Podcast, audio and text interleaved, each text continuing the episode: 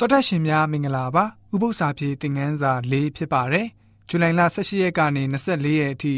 လေ့လာသွားမယ့်ဥပု္ပ္ပစာပြေသင်ခန်းစာရဲ့ခေါင်းစဉ်ကြီးကတော့ဆူတောင်းခြင်းတကူအခြားသူအတွက်ဝင်ရောက်ဖြန့်ပြေပေးခြင်းဖြစ်ပါတယ်ဖတ်မဲ့ကျမ်းချက်တွေကတော့ဗျာဒိတ်ကျမ်းခန်းကြီး7ငွေ9ကနေ9အေဖက်ဩရစာခန်းကြီး6ငွေ7ဟေဘဲဩရစာခန်းကြီး9ငွေ25အေဖက်ဩရစာခန်းကြီး1ငွေ15ကနေ21ဒိန်လနာဂတိကျမ်းခန်းကြီး10ငွေ10ကနေ14 ရှမ်းဟန်ဩဝါဒစာပထမဆောင်အခန်းကြီး9အငယ်14ကနေ16ဖြစ်ပါတယ်။အဓိကကျမ်းချက်ကိုတော့ရှင်ယာကုတ်ဩဝါဒစာခန်းကြီး9အငယ်16မှာတွေ့နိုင်ပါတယ်။အချင်းချင်းတယောက်နဲ့တယောက်ကိုယ့်အပြစ်ကိုဖော်ပြတောင်းပန်ကြလော့။ချမ်းသာရမည်အကြောင်းအချင်းချင်းတို့အဖို့ဆုတောင်းကြလော့။သူတို့ကောင်းဆုတောင်း၍အရှိန်ကြီးသောပထနာသည်အလွန်တကူပါ၏ဆိုပြီးတော့ဖော်ပြထားတာတွေ့ရပါတယ်။ဓမ္မသစ်ရေးသားတဲ့အချိန်မှာအသင်းတော်ကအသင်းသားတွေရဲ့စိတ်မှာ ဆူတောင်းဖို့လိုအပ်တဲ့အကြောင်းခံစားကြရပါတယ်။တမန်တော်ထုခန်းကြီးလေးငယ်31မှာ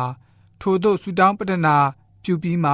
ဆူဝေးသောအရက်သည်တုံလှုပ်၍ထိုသူအပေါင်းတို့သည်တန်ရှင်းသောဝိညာဉ်တော်နှင့်ပြည့်သည်ဖြင့်ဖျားသခင်၏နှုတ်ကပတ်တရားတော်ကိုရဲရင်စွာဟောပြောကြ၏ဆိုပြီးတော့တွေ့ရပါတယ်။တပည့်တော်တွေဆူတောင်းခဲ့တာကိုတတိပြုပါ။တန်ရှင်းသောဝိညာဉ်တော်နှင့်ပြည့်ပြီးတော့နှုတ်ကပတ်တရားတော်ကိုရဲရင်စွာဟောပြောကြပါတယ်။ သူတို့တွေရဲ့ဆူတောင်းခြင်းဟာဓာတ်ရိုက်ဆက်သွယ်မှုကိုဖြစ်စေပါတယ်။တန်ရှင်းသောဝိညာဉ်တော်ဆင်းသက်လာခဲ့ပါတယ်။ဖျားရှင်ရဲ့နှုတ်တော်ထွက်စကားတွေကိုတကိုးပါစွာဟောပြောကြွေးကြော်ကြပါတယ်။ဝိညာဉ်တော်စာပေဖြစ်တဲ့ E.G. White The Acts of the Apostles စာမျက်နှာ39မှာတပည့်တော်တွေဟာမိမိတို့ကိုယ်ပိုင်ကောင်းကြီးတွေကိုတောင်းခံကြခြင်းမျိုးမဟုတ်ဘဲနဲ့